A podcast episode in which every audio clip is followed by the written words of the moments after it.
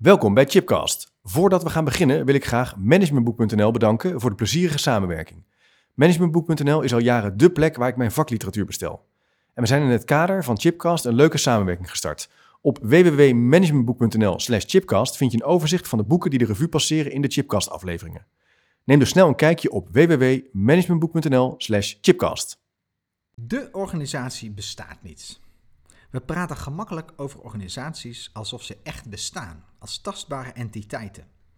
Maar we kunnen organisaties niet zien of aanraken. We zien gebouwen, een website of producten met een logo. We kennen organisaties menselijke eigenschappen toe. We zeggen dat een organisatie iets gepresteerd heeft, open is of juist gesloten, modern of verwaarloosd. Maar we vergeten dan dat de organisatie gevormd wordt door mensen die allemaal heel verschillend kunnen zijn in hun denken, spreken en handelen.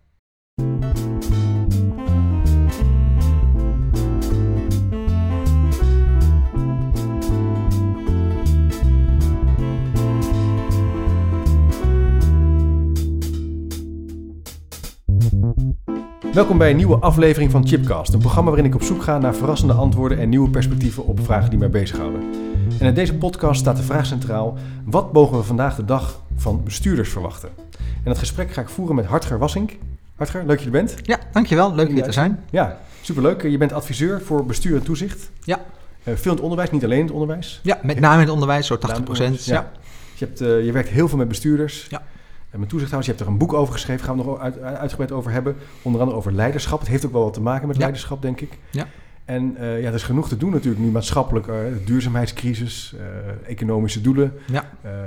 Het, het, moet anders, het moet beter. De onderwijsresultaten gaan omlaag. Dus we gaan ja. het hebben over bestuurders, toezichthouders. Wat mogen we van hen verwachten in de toekomst? Ja. En in het nu graag. Ja, en misschien wel in het nu, hè? want ja, ja. je moet ook niet te lang wachten. Nee, precies. Ja. De toekomst Over begint 20 vandaag. jaar. Ja, nee, dat moet ik ook niet hebben.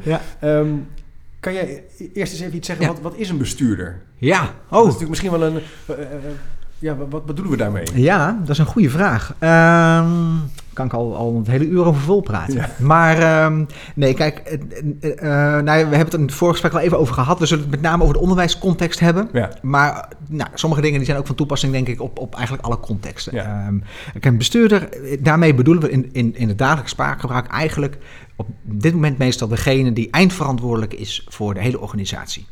Ja. strikt genomen zou je moeten zeggen de uitvoerend bestuurder. Uh, want besturen, uh, meestal in het onderwijs heb je een, een college van bestuur en een raad van toezicht. Uh, bestaat, een bestuur bestaat uit, eigenlijk uit die uitvoerende bestuurder, dus die eindverantwoordelijke, en de toezichthoudende bestuurders. En dat zijn de intern toezichthouders in de raad van toezicht. Dus wat is een bestuurder? Nou, de bestuurder zoals wij het erover hebben, is vaak de eindverantwoordelijke, de baas, om het zo maar te zeggen, uh, van de organisatie. Ja. En die heeft dus ook een bestuurlijke verantwoordelijkheid. En dat is net weer anders dan een managementverantwoordelijkheid. Maar goed, daar komen we dan nog, denk ik, uh, uitgebreid over te, Ja, over te praten. ja en, en jij noemt even meteen al die, die, die toezichthoudende Ja. rol. Die, hebben dus, die twee hebben veel met elkaar te maken. Ja, ja ik zeg wel eens, dat zijn, zijn een tandem. Uh, die kunnen niet zonder elkaar. Dus de uitvoerend bestuurder, die heeft uh, die toezichthoudend bestuurders, dus het interne toezicht, nodig om zijn rol te legitimeren, te ondersteunen Ja. eigenlijk. Dus het is een soort tegenmacht binnen het bestuur. Um, omdat je anders ja, een soort uh, autocratie zou krijgen van één iemand die uh, op geen enkele manier meer wordt, uh, wordt tegengesproken. Oneindig kan blijven, die Ja. alles kan doen wat hij wil. En heel belangrijk is dat je tussen de uitvoerend bestuurder en de toezichthoudend bestuurder, dus college van bestuur en raad van toezicht, dat je daarin een dialoog hebt en dat zij samen in dialoog bepalen wat uiteindelijk het beleid van de organisatie zou moeten zijn. Ja. En de raad van toezicht, nou, die maakt er onlosmakelijk onderdeel van uit. En die raad van toezicht heeft dus weer die uitvoerend bestuurder nodig, omdat de raad van toezicht, die houdt alleen maar toezicht. Ja. Dus die kan zelf niks uitvoeren. Die kunnen zelf geen aanwijzingen geven, geen besluiten nemen. Uh, dat is de verantwoordelijkheid van die uh, bestuurder. Ja, en om nog even het riedeltje dan af te maken, het verschil tussen bestuur en management. Hoe zou jij dat dan omschrijven? Want je geeft wel heel helder even wat woorden aan. Dan Ja. denk ik, oh ja, dat is wel even voor de Ja. luisteraar interessant. Ja, nou, het is een beetje zwart-wit. Ja. Het is, Ja, uiteindelijk is het een glijdende schaal. ehm, maar de, de, de eindverantwoordelijkheid van de bestuurder ligt in het vertalen van de waarden van de omgeving en de verwachtingen van de omgeving in beleid en resultaten binnen de organisatie. Managementverantwoordelijkheid gaat over hoe je vervolgens die vertaling zo effectief en zo efficiënt mogelijk uitvoert. Dus management gaat over wat is efficiënt en wat is effectief. Besturen gaat over de criteria die je gebruikt om te bepalen wat uiteindelijk effectief is. Dus hoe je die wereld van buiten naar binnen haalt, Ja. de uitgangspunten, principes, Ja. en die als het ware Ja. gebruiken als Eh, sturing. Ja, dus bijvoorbeeld vertaald naar goed onderwijs. We willen allemaal goed onderwijs. We willen allemaal onderwijs dat hoge opbrengsten genereert. Noem maar wat. Ja. Eh, als bestuurder bepaal je van, maar wat bedoelen we dan eigenlijk met opbrengsten? Ja. Eh, welk type opbrengsten vinden wij in onze context voor deze school, in deze streek van het land of in deze stad, in deze tijd, vinden wij belangrijk? En dat kan iets anders zijn in, nou, noem maar wat, Groningen dan in Brabant. Dat Ja. kan iets anders zijn dan in een bepaalde wijk van Amsterdam, dan in Den Helder. Dus daar zit logischerwijs verschil in, omdat het puur al geografisch op een andere Ja. locatie zit. Omdat die omgeving van die school in een bepaalde regio, die verwacht Ja. andere dingen ehm, nou, dan in een andere regio. En het onderwijs, komen misschien nog over te praten, maar nee, Nederlands onderwijs wordt gekenmerkt door vrijheid, die veel te maken heeft met het vormgeven aan een levensbeschouwelijke eh, eh, inrichting Ja. eh, van je onderwijs. Ehm, ook daarin verschillen scholen. Een, een protestants-christelijke school zal een ander accent willen leggen in opbrengsten dan een openbare school, of dan een vrije school, of dan een Montessori-school. Ja. En die vertaling, ehm, ja, noem maar weer een begrip, eh, verantwoordelijkheid bijvoorbeeld. Eh, heel veel scholen hebben ergens in hun brede doelstellingen staan dat ze leerlingen willen laten groeien in verantwoordelijkheid. Nou, prachtig. Maar verantwoordelijkheid, dat zal op een Montessori-school iets anders betekenen dan op een openbare school, Ja. bijvoorbeeld. Ja. En dat zijn allemaal kleine nuanceverschillen, maar uiteindelijk zijn die wel heel belangrijk. Die hebben heel veel impact natuurlijk op hoe je uiteindelijk Ja. de, de school inricht, hoe je het leiding geeft, hoe je de leerkrachten professionaliseert. Ja, ja. Ja, en dat, precies. dat is de bestuurlijke rol om die vertaling te maken. En dat is complex. Ja. Want dat gaat over abstracte woorden. eh, gaat over, over de lange termijn. Gaat over Ja. maatschappelijke verwachtingen. Ja. Die vaak ook heel tegenstrijdig zijn. Ja.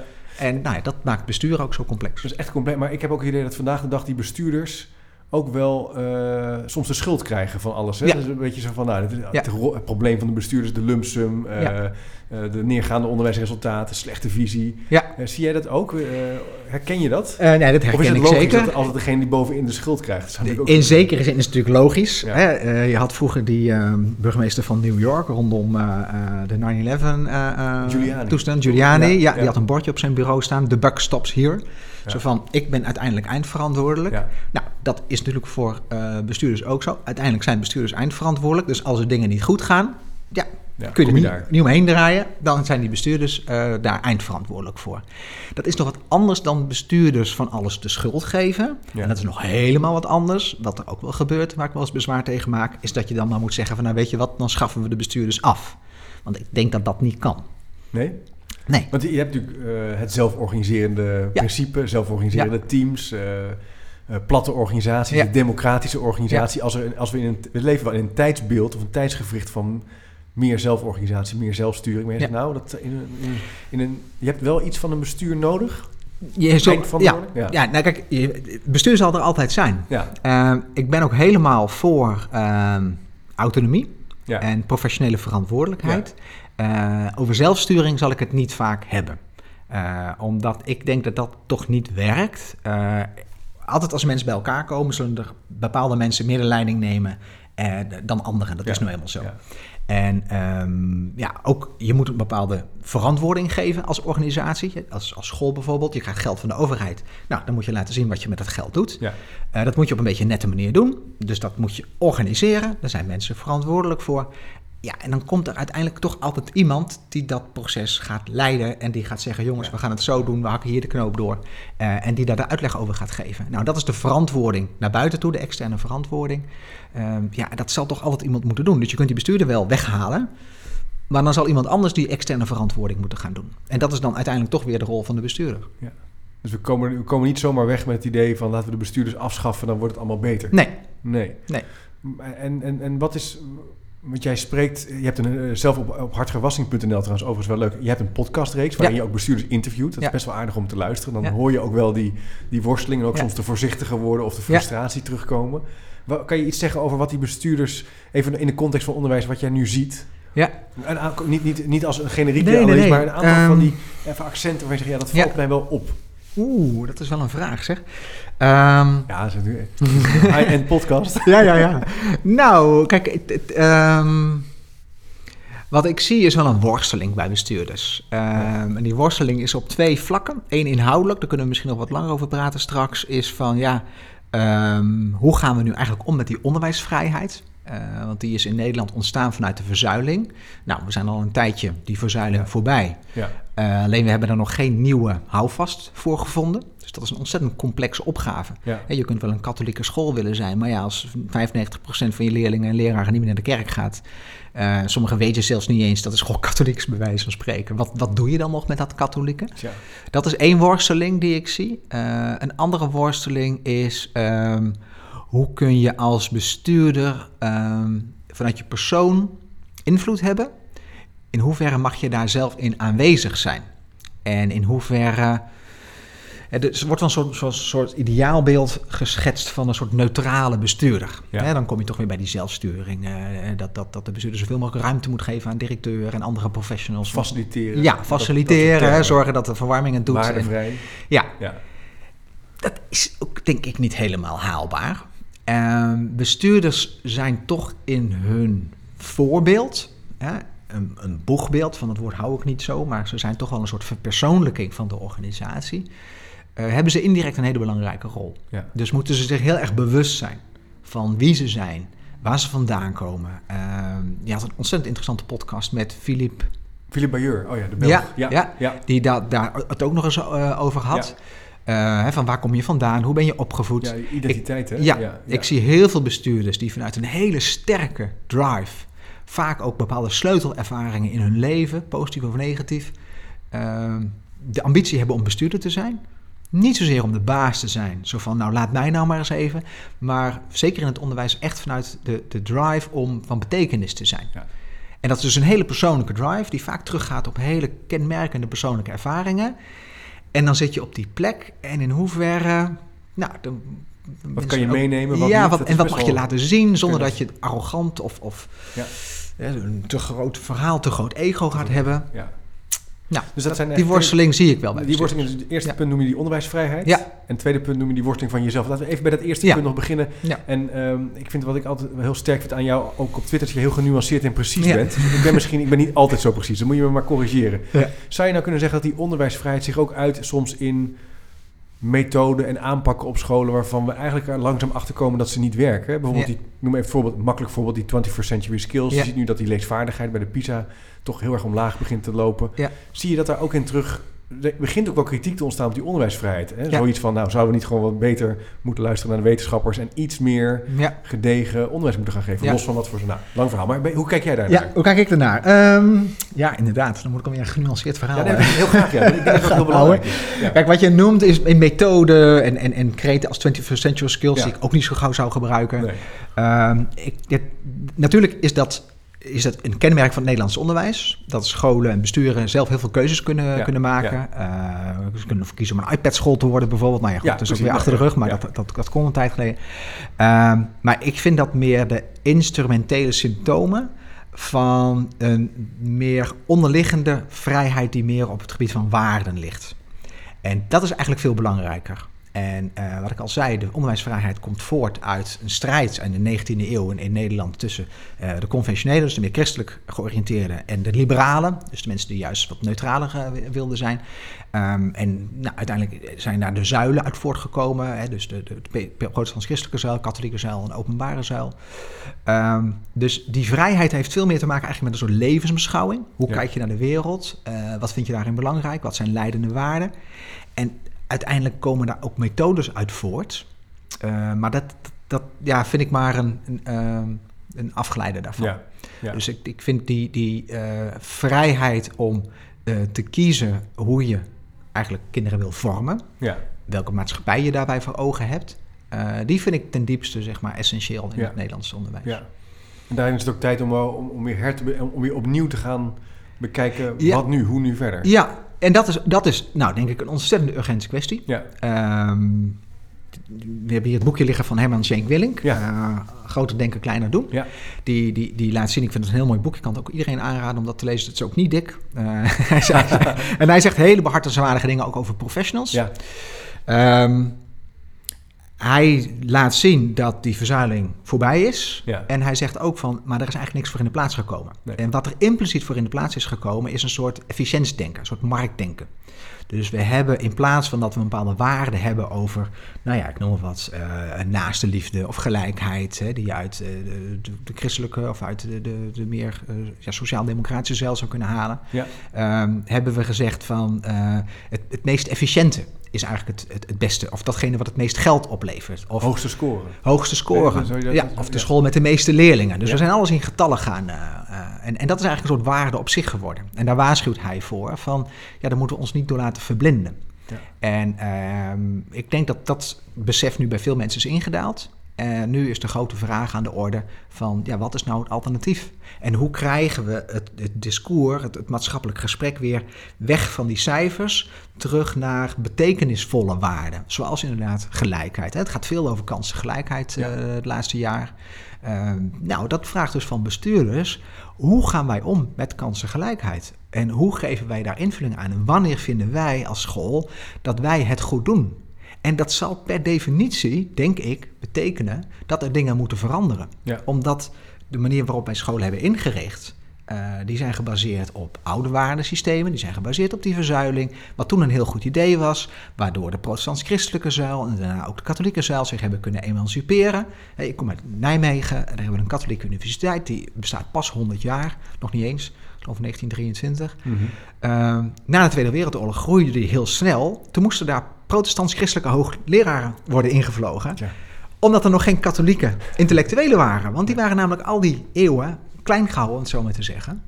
Ehm, en dat is nu niet meer zo. Nee. Dus de, de, de, die, die, de volledige gelijkheid eigenlijk, door alle zuilen heen. Nou, je hebt nog de islamitische zuil in een ander eh, Ja. hoofdstuk. Ehm, waardoor die verzuiling niet meer nodig is om bevolkingsgroepen te emanciperen. Maar we zien nu wel dat het nog steeds ongelijkheid is of een andere ongelijkheid. Wat hebben we nodig? Hoe gaan we ons systeem inrichten om die ongelijkheid Ja. weer tegen te gaan? En je zegt dan moet je verder kijken dan, ik noem het even, ik chargeer misschien een beetje dan wetenschappelijk onderbouwd empirisch goed onderwijs. Dat gaat ook, is misschien ook belangrijk, hè? vast ook wel. Maar even in, deze, in dit kader qua Ja. besturing gaat het ook over wat voor soort waarden willen we. Willen we gelijke Ja. kansen? Ja. Willen we elk kind de mogelijkheden bieden om zich Nou, te ontplooien? Ik, ik- nee, ik zou zeggen, je hebt wetenschap ook nodig. Ja, Maar realiseren dat wetenschap niet waardevrij is. Dus wetenschap is niet neutraal. nee. Ehm, ik, een heel interessant ding wat mij enorm fascineert bijvoorbeeld... is dat eh, wij in Nederland een vroege selectie hebben. Nou, eh, er is ongelooflijk veel onderzoek, ook buitenlands onderzoek... dat telkens weer laat zien... het onderwijs in Nederland selecteert heel vroeg. Ja. Daarmee worden de kansen van kinderen eh, zeg maar ongelijker. Hè? We zijn in het primair onderwijs... hebben wij eigenlijk het meest gelijke onderwijs van heel de wereld. Nou, op 12-jarige leeftijd slaat dat helemaal om. In één keer. En binnen een paar jaar hebben we het meest ongelijke onderwijs Ja. van de hele wereld. Apart hè?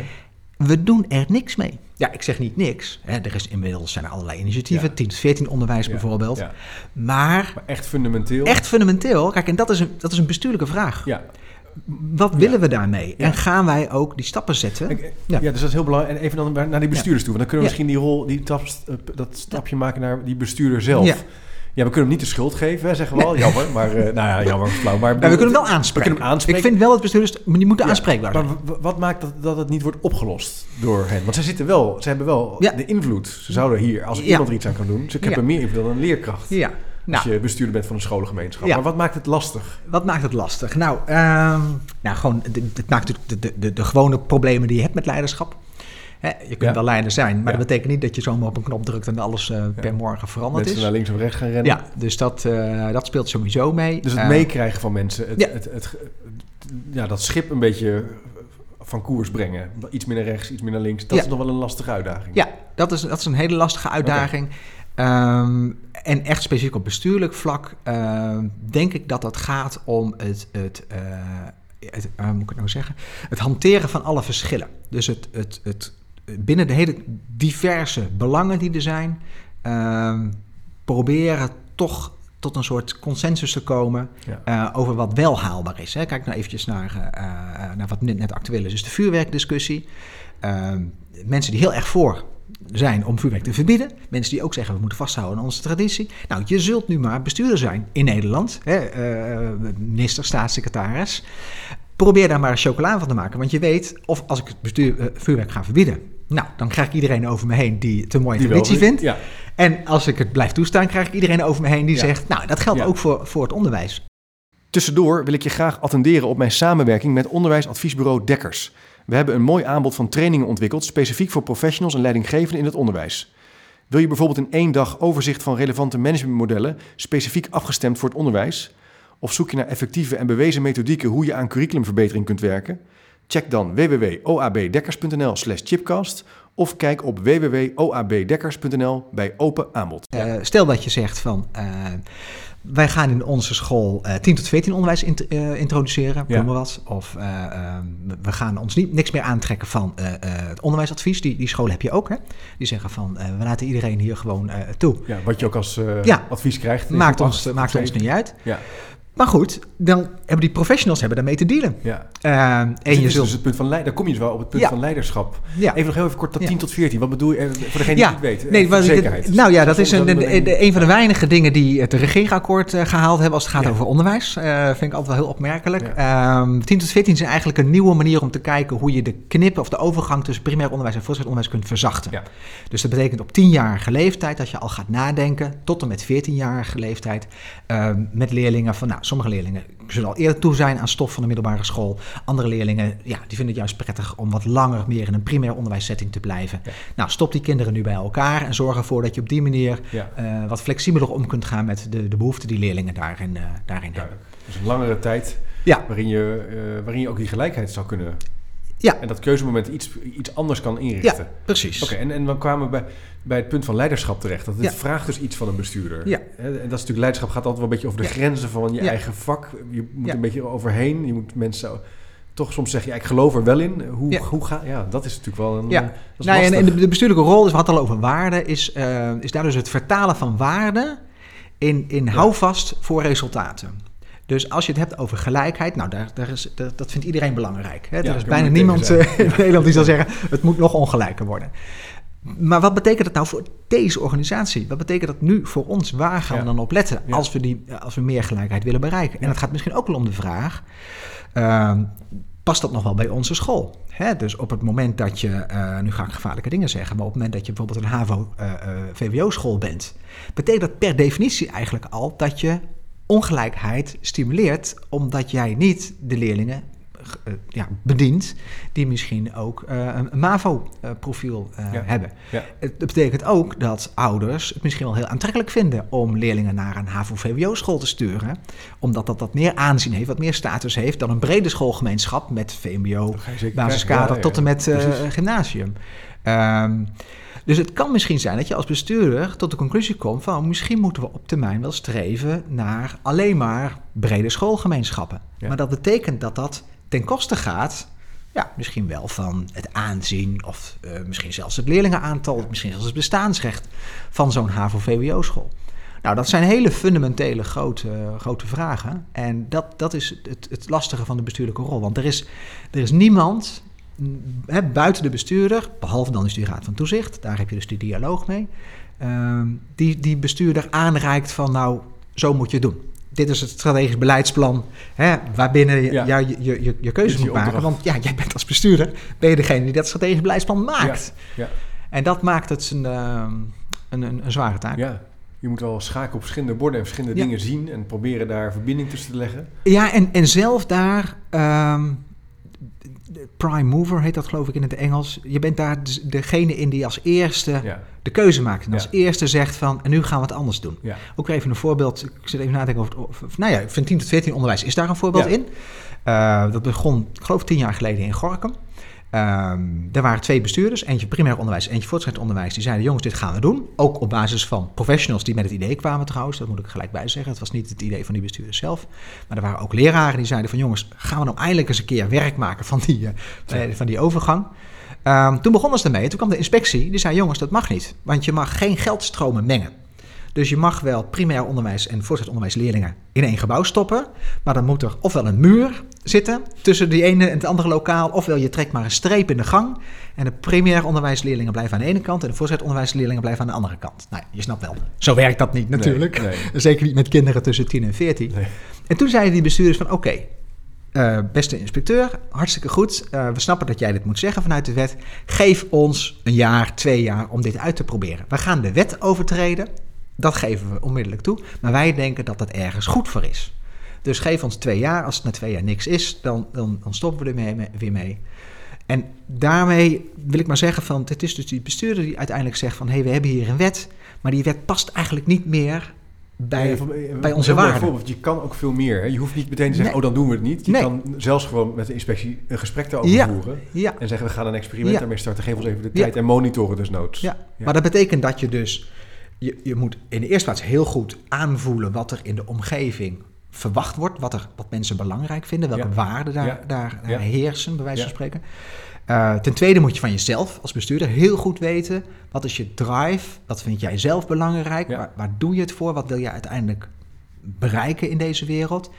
En in de derde plaats moet je dan in staat zijn om dat te vertalen in een handzaam kader, in, in handzame, ik noem het ook wel eikpunten, voor professionals, om daar vervolgens mee aan de haal te gaan. En binnen dat kader initiatieven te nemen die ja, jouw ideaal en het gezamenlijke ideaal, gebaseerd op die waarden van de omgeving, om dat tot, eh, tot realiteit te brengen en daar ook Ja. resultaten mee te Ja. boeken. Dan kom je bij het tweede punt waar we, waar we het begin over hadden. Eh, Hoe, hoe je kan meedoen als bestuurder. hè. Wat neem je zelf mee van Ja. jezelf daarbinnen? Hoe ontwikkel je dat kader? Wat is je leiderschapsstijl? Hoe pak je dat aan? Ja, Dat is natuurlijk een ontzettend spannende, spannende weg. Ja, dat is heel spannend. Ja. En wat daar vooral heel spannend in is, denk ik, eh is we hadden al even over het verschil tussen management en besturen. Ja, Eh, veel bestuurders komen, die groeien door, om het zo maar te zeggen, vanuit een managementrol.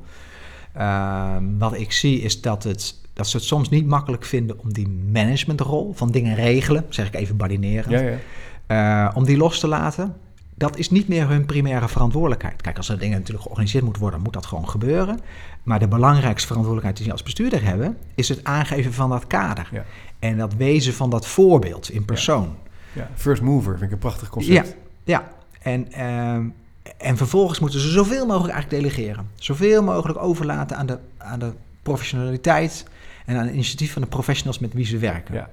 En dat is voor bestuurders wel eens een lastige. Ja. Die gaan, hebben de neiging om ook naar beneden getrokken te worden. Of Ja. meer in die uitvoering, meer in die... Ja, En dat, dus je komt meer op het idee van iemand die in beweging komt, kaders creëert, gesprekken faciliteert, Ja. organiseert. En dat is ook wel een bijna een filosofisch perspectief. Hè? Wat is de moraal? Wat vinden wij belangrijk? Wat willen we met elkaar? Zeker. Daar zou hij of zij juist een aanjager voor moeten zijn in jouw beleving. dat is de allerbelangrijkste rol. En dat is een manier om ook de uitdaging in het onderwijs Ja, nu eh, Ja. eh, het hoofd te bieden. Is dat, Ja. zeg je dat goed? ja nee, dat denk ik dat je dat goed zegt. Ja. Ja. En dat vraagt dus ook wel soms, ehm, nou niet soms, ik denk dat het veel moed vraagt. Ja, Omdat jij eh, vaak als eerste ja, iets tegen draads Ja, zegt. ja. Of als eerste iets gaat doen, een initiatief gaat Iets nemen. ziet, ja, waarvan iedereen zegt van nou, maar dat, dat kan niet. Hè? ja, heel raar. Ja, 10 tot heel 14 raar. Of mag niet raar, volgens de wet. Of eh, dat hebben we hier nog nooit gedaan. We zijn al honderd jaar, zijn wij zus en zo een, een school. En eh, dat gaan we niet veranderen. Ja. Nou, jij bent dan degene die denkt van ja, maar ik denk toch, hè, gegeven alles wat ik zie en hoor en wat ik afweeg en wat je zelf als bestuurder dus belangrijk vindt, waar jij zelf voor staat, denk ik dat we het toch zo moeten gaan doen. Leuk, uh, om eens over te praten. Ik heb, wel, ik heb wel wat vervolgvragen over dat bestuurder zijn. En, Ja. Ik ga dat gewoon nog even... Hoe word je nou eigenlijk bestuurder? Je, want ik heb altijd... Laat ik het anders... Ik heb ook wel het idee dat het vaak toch wel... Ik weet niet of, het, ik weet niet of er statistisch onderzoek naar De oudere man is. De oudere witte man. Nou, steeds minder. Is, is dat minder aan het worden? Ja, dat vind ik heel erg interessant. Eh, ik zie steeds meer vrouwen. Dat vind Ja. ik echt eh, heel, heel... Ik denk wel dat een jaar of tien geleden, zeker in het primair onderwijs, voortgezet onderwijs, hè, daar, daar speelt deze kwestie eigenlijk pas een jaar of, eh, nou misschien ook wel twintig jaar. Ik word ook wel ouder natuurlijk. Maar eh, in 2000 had je de lump sum in het voortgezet onderwijs, 2006 in het primair onderwijs. Toen is er eigenlijk die, dat hele circus eh, Ja. begonnen. Ja. Ehm, toen waren het vaak de oudere directeuren die doorgroeiden naar de rol van bestuurder. Ja. Ehm, ik denk dat wij nu, zo de laatste drie jaar, drie, vijf jaar, die generatie echt afscheid zien nemen. En er wordt nu veel meer gekeken naar inderdaad ja, bestuurlijke competenties. Ja. Eh, mensen met een bestuurlijke visie, bestuurlijke achtergrond. En dat heeft dus te maken met wat jij daar straks zei. Kun je op waarden sturen. Ja. Meer dan ben jij een supergeweldige eh manager. Precies. Dat, is dus niet, dat hoeft niet per se voldoende te zijn. Nee. Ik vind nog wel altijd, vind ik heel erg interessant. Ik heb er ook zo'n artikel over geschreven. Eh, in advertenties lees je altijd van we zoeken een daadkrachtige bestuurder. Ja, ja, ja, ja. Ehm, dat krachtig en verbindend. ja, nou ja, verbindend tot daar aan toe. Maar daadkrachtig denk ik van nee, doe maar niet. Uh, doe, maar een, doe maar een twijfelende bestuurder. nee, maar kijk, waar het om gaat is, uh, dat vind ik heel essentieel. Uh, Zo'n bestuurder die, die neemt een initiatief, maar die weet het natuurlijk eigenlijk nooit zeker. Of dat het goede initiatief nee. is, of dat het het goede... Het initiatief is eigenlijk niet het goede woord, maar het, het, het goede kader is ja, dat, hij nee. neer, dat hij neerzet. Want het is nog nooit gedaan, dus je weet het niet. Hij, die bestuurder denkt alleen van, ik, hè, op basis van alles wat ik weet en mijn wijsheid, is dit volgens mij het belangrijke wat we moeten gaan doen. Maar dat betekent dat die bestuurder ook moet laten zien van, nou jongens, ik weet het niet zeker, maar alles zegt mij, als ik daar en daarnaar kijk, dat dit de goede richting is om, om op te gaan. Die twijfel, die hebben professionals natuurlijk ook. Ja. Uh, zeker ook als je met mensen werkt, zoals in het onderwijs. Hè, als jij leraar bent, ben je de hele dag dingen aan het afwegen. Ja.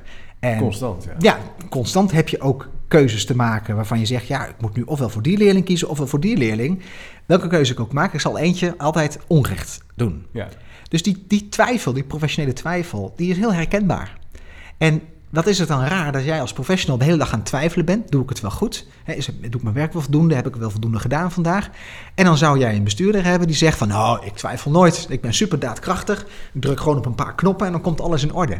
Ja, dat werkt natuurlijk niet zo. Dus dan denk ik, als zo'n bestuurder nou dat voorbeeld zou kunnen geven... Ja. van jongens, ik, ik weet het ook niet. En niet uit zwakheid van, nou ja, doe maar wat, want het maakt toch niet uit. Maar meer zo van, we weten het niet zeker, dus laten we nou eens heel goed met elkaar gaan praten. En laten we eens heel goed nadenken wat we nou eigenlijk belangrijk vinden.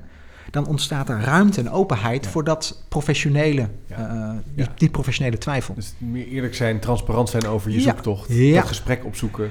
Wel die set van criteria of die morele criteria hebben Ja, waarop je wil bewegen. ja, Dat zal al, dus niet te veel. Dus, dus nieuwe sollicitatievacature staat dan eh, een twijfelende, ja. verbindende Ja, precies. Ja, dat zou ik heel mooi vinden. Prachtig. Ja.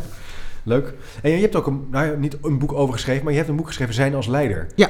Eh, dat is een, eh, even de- aan de voorkant staat een, een R Ja. met een, eh, een cirkel eromheen. Ja. Ik zal even een plaatje ook op de website zetten. Kan, Ja. kan je er iets over zeggen? Ja, nou, de grappige is ook, het, eigenlijk niet is ook R zijn als leider. Dus die R hoort Kijk, bij de titel. Heb je het al. Maar andere mensen zeggen ook zijn als leider. Dat vind R ik ook prima, maakt me niet uit. Nee, ja, die R is een beetje een grapje.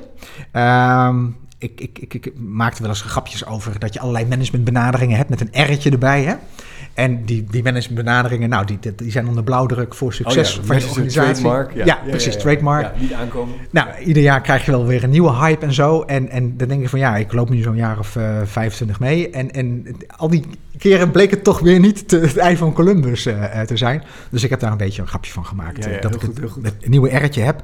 En eigenlijk is de boodschap van het, van het boek dus dat het, dat het niet bestaat. Nee. Dus dat, dat je het altijd eh, uit jezelf toch weer zal moeten halen. Dat je altijd weer bij jezelf na moet gaan. Ja. Van ja, wat vind ik nu belangrijk? Welke keuze wil ik nu, nu maken? En dat je daar ook heel belangrijk voor in gesprek moet gaan. Ja. Binnen de organisatie en als bestuurder vooral Als buiten de organisatie. natuurlijk daar van buiten naar binnen, ja. Ja, Ja, ja. ja. Ja. Leuk.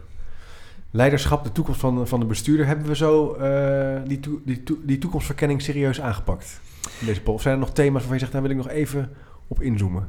Ehm, nou ja, ik maak daar straks even het grapje van eh, liever het hier en nu. Ja, Eh, Ja. Dat meen ik wel Niet echt serieus. Ja, ik ben erg kritisch op, op eh, alles met toekomst erin. Ik bedoel, ik ben helemaal voor de toekomst. Ik zie er ook erg naar uit. Maar die, die toekomst begint echt nu. ja. En ehm, ik vind wel eens dat we er te weinig aandacht voor hebben. Voor, voor echt wat er letterlijk hier in het hier en nu speelt. Want wat je in het hier en nu ziet, wat er gebeurt, dat geeft al aanknopingspunten voor ja, wat je eigenlijk te doen hebt, wat er te veranderen is. Ja. En ehm, als je met elkaar in gesprek bent in een brainstorm over de toekomst, dan wordt iedereen heel enthousiast, want in de toekomst, ja, hè, dan, dan kan van alles. Ehm, maar een organisatie die verandert niet zo makkelijk. En is het dus eigenlijk veel belangrijker om te kijken naar, ja, wat, wat gebeurt er nu gebeurt eigenlijk? hier en nu? En wat Ja. zien we nu hier gebeuren? En wat vinden we daar nu eigenlijk van? Het is natuurlijk ook verslavend om naar de toekomst te kijken. Ja. Van nou, lekker naar die lekker een nieuwe visie maken. Ja. Of eh, bedenken hoe het anders kan. Ja, Terwijl die bestuurder en rol van een leider misschien veel meer in het, goed voor nu, nu zorg. Best wel een boeddhistische eh, levensfilosofie is dat. ja, maar het is ook heel praktisch hoor. Ik, ik, in mijn begeleiding waar ik vaak op let, ook, ik noem maar iets heel simpels. Eh, hoe mensen zitten aan een tafel.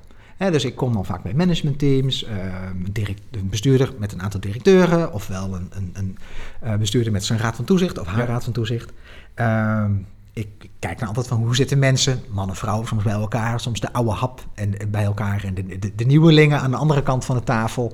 Eh, zit de bestuurder in het midden, ja of nee? Eh, en ik probeer daar gaandeweg dan ook wat mee te doen.